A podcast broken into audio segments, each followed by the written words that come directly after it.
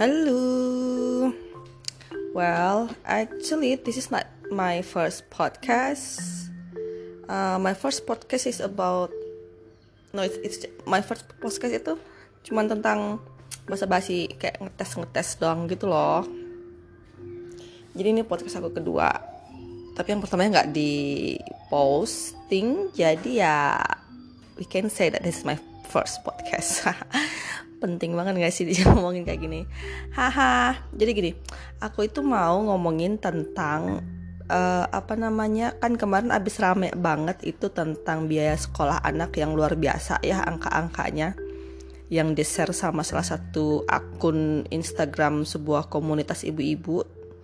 Nah di situ kan emang apa namanya shocking banget sih gitu untuk biaya anak-anak TK SD bahkan untuk kelompok bermain pun bisa menghabiskan dana sampai dengan puluhan ratusan juta. Uh, tapi kali ini aku nggak akan ngebahas itu. What I'm trying to say adalah bahwa uh, ada banyak biaya dan lain-lainnya yang sebenarnya tidak tertulis, tapi mereka ikut uh, menyedot perhatian dompet kita begitu. Jadi kayak bocor halus gitu dari istilahnya Joska. uh, apa aja sih sebenarnya biaya-biaya bocor halusnya ini? Oke, yang pertama uh, bocor halusnya ada di uang kas kelas. Ini aku ngambil pengalaman dari sekolahnya anakku ya.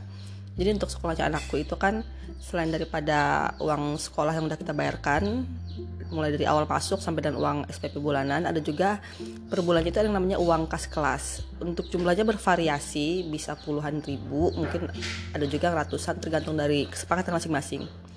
Kalau untuk kelas anak itu 50 ribu per bulan. Kemudian uang kas kelas ini untuk apa? Untuk macam-macam misal uh, kayak di kelas sekolahnya anakku itu kan ada pengajian. Nah, untuk pengajian itu pengajian bulanan yang dihadiri oleh para orang tua murid itu nanti kayak ada uh, apa namanya kita per kelas akan patungan seperti kita akan membayar siapa pembicaranya kemudian pada untuk peserta yang ikut pengajian juga dia dapat snack kan snack gitu sama minuman itu kan pembiayaannya semuanya dikumpulkan dari kelas gitu. Jadi per kelasnya itu patungan untuk biaya pengajian itu dan setiap kali pengajian itu biasanya ada anak-anak yang tampil misalnya untuk pengajian bulan ini kelas A berapa atau kelas B apa gitu atau kelas kupu misalnya atau kelas um, kepik atau kelas kura-kura yang tampil. Nah, untuk anak-anak yang tampil ini kita kasih goodie bag gitu biar mereka semangat untuk tampil. Jadi kayak performingnya sebelum acara pengajian itu dimulai. Nah, itulah gunanya uang kas itu. Nah, uang kasnya ini kan tergantung ya jumlahnya. Ad, itu masuk lagi ke yang kedua yaitu untuk selain uang kas ada juga uang baju kaos kelas.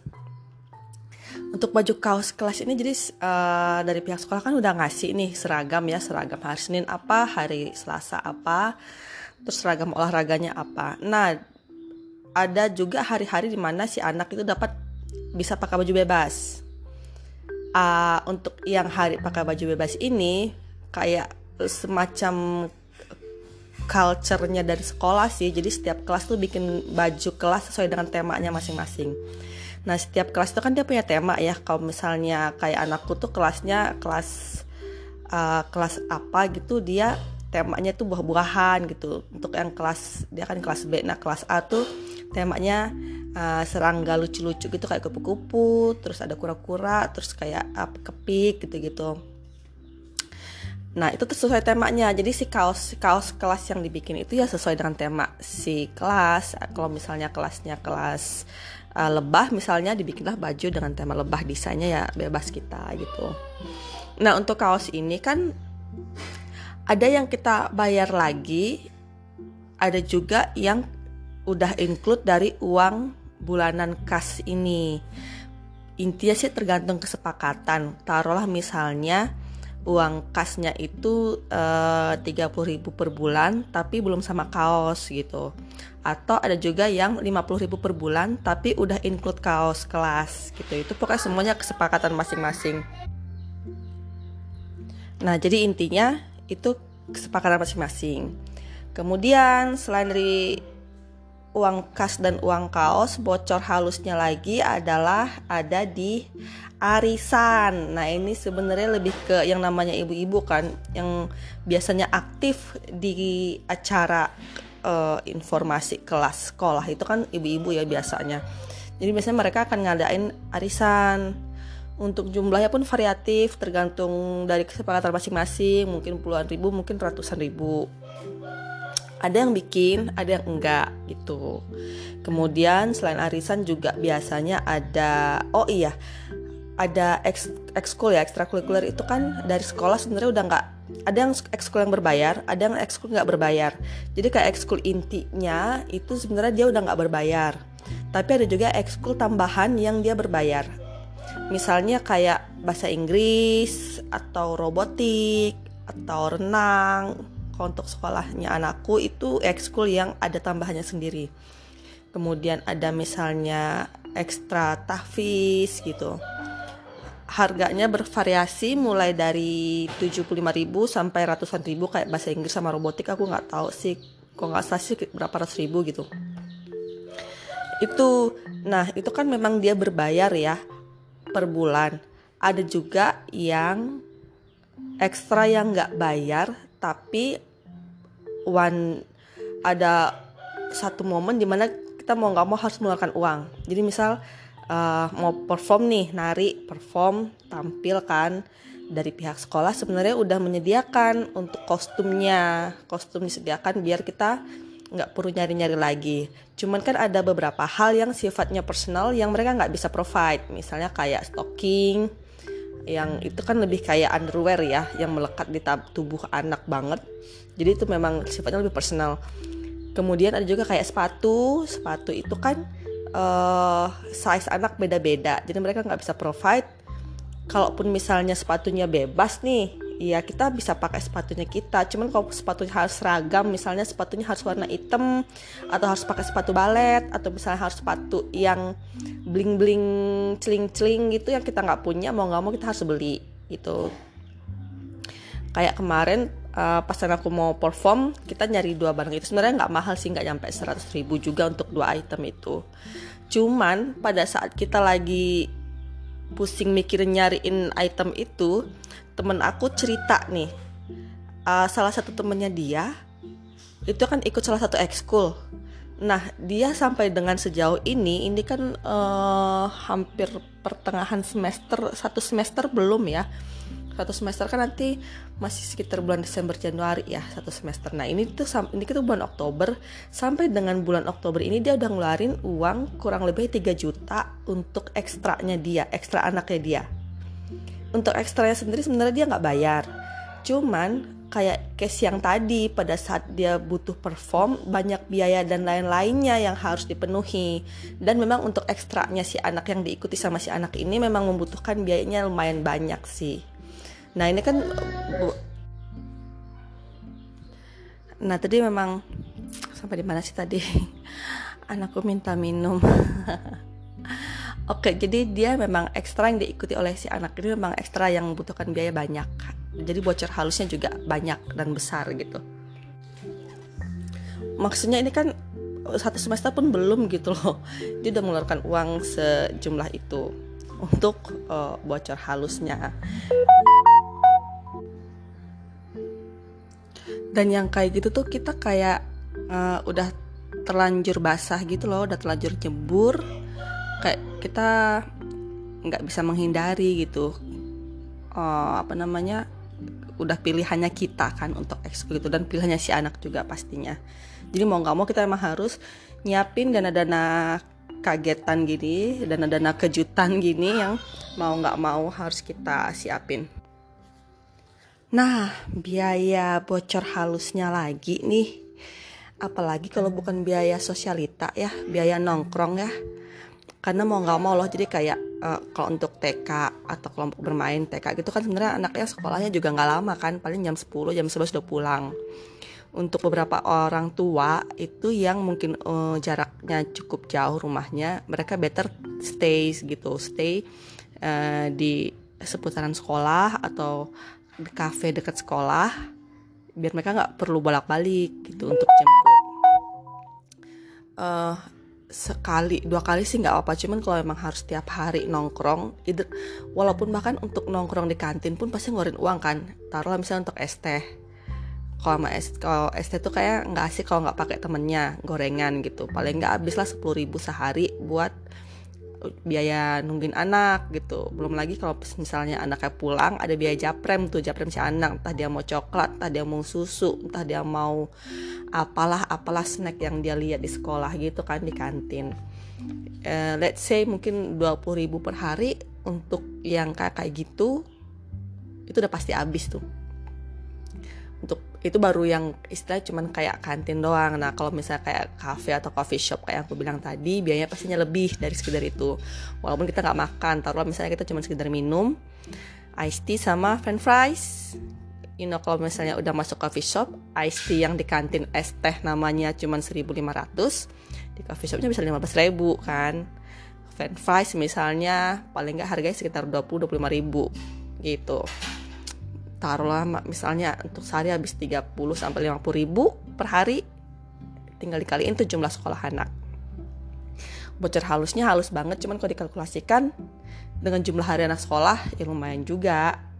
Dan itu kayak tidak terhindarkan. Kemudian uh, oh iya yang lumayan pasti ada sih yang namanya anak-anak kan ya. Mereka kan suka ulang tahun. Nah untuk ulang tahun ini entah kita yang mengadakan dari pihak anak kita yang mengadakan atau kita yang orang yang mengadakan kita yang ngadok gitu loh. Kalau kita yang mengadakan kan paling nggak kita ada tuh kayak goodie bag atau misalnya uh, pesta kecil-kecilan di sekolah gitu. Nah aku punya cerita menarik nih salah satu teman aku yang sebenarnya aku pengen ngajak dia ngobrol-ngobrol sih uh, cuman jadwalnya belum ketemu nih. Dia cerita dulu waktu anaknya masih uh, playgroup kalau nggak salah. Dia temen anak-anaknya temennya temennya si anak ini ulang tahun. Untuk si kan ada beberapa satu kelas kan ada beberapa anak tuh ya. Nah si A ini ulang tahun dia nyawa satu studio dong. Untuk nonton bareng. Satu studio nonton bareng. Yang mana anaknya paling cuman berapa sih? Satu kelas tuh kayak 15-20 anak kan. Tapi orang tua nyawa satu studio dong buat nonton bareng biar nggak gabung sama anak orang lain gitu. Udah gitu cerita yang kedua untuk ada yang sama punya temennya lagi dia ulang tahun terus si anak ini orang tuanya ngadain pool party dong. Pool party di hotel. Aku bayang nggak sih? Kita yang tua yang umurnya udah mulai mendekati usia emas perak ini aja. Apa namanya istilahnya satu banding berapa gitu yang ngadain pool party di sekolah ini anak playgroup ulang tahun dan mereka mengadakan pool party di hotel. Begitu. Udah kebayang sendiri kan itu kayak habisnya berapa juta? Gila gila gila gila. Dan last but not least uh, udah kayak culture juga untuk di setiap sekolah. Kalau misalnya udah akhir tahun, tutup tahun, biasanya mereka akan ngasih semacam bingkisan gitu kepada para guru, guru kelasnya masing-masing. Kayak tanda terima kasih gitu atau tanda cinta kenang-kenangan gitu. Nah yang ini biasanya kan patungan tuh. Untuk cerita, untuk contoh nih, anakku tahun lalu dia uh, waktu TK gitu ngasih kenang-kenangan ke guru. Jadi satu kelas itu ada tiga guru. Dan kesepakatan bersama itu kita ngasihnya logam mulia untuk uh, para guru ini, Mas Murni kan. Dari situ kita patungan. Ini sebelumnya aku minta maaf ya karena banyak banget notifikasi suara notifikasi karena aku tuh baru habis uh, baru habis posting IG story tentang anakku. Nah, kalau aku posting IG story tuh banyak banget yang reply DM gitu deh cuman ya itulah ceritanya. Kenapa banyak banget notif dari tadi? Nah jadi kita kesepakatannya adalah kita me kita kesepakatannya adalah me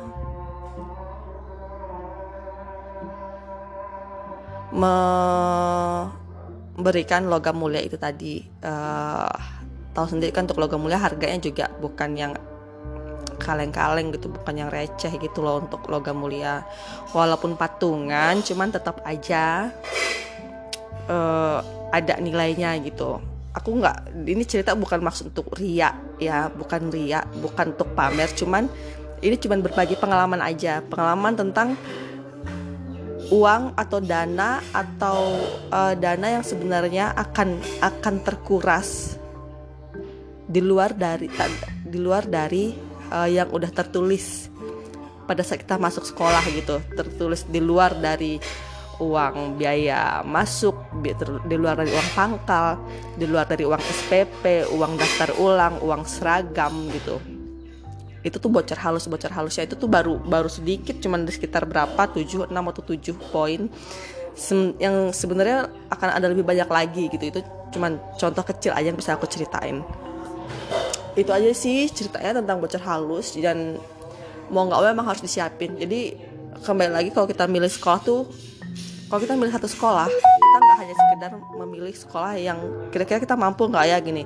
Terlepas dari untuk konsep sekolahnya sistem sekolahnya seperti apa kita kan juga pasti ngeliatin kita bakal mampu apa enggak nih? Bayarnya uang untuk uang bulannya segini uang daftar ulang segini kita mampu enggak kita juga harus memperbaik memperhatikan mempertimbangkan bahwa uang dan lain-lainnya ini yang juga harus kita siapin gitu. Kita nggak bisa tutup mata kita nggak bisa lepas tangan.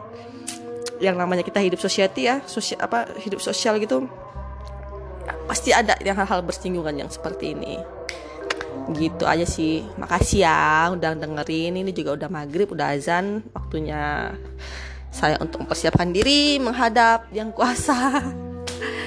Terima kasih. Thank you for listening. And mungkin akan ada podcast selanjutan lainnya dengan tema yang berbeda.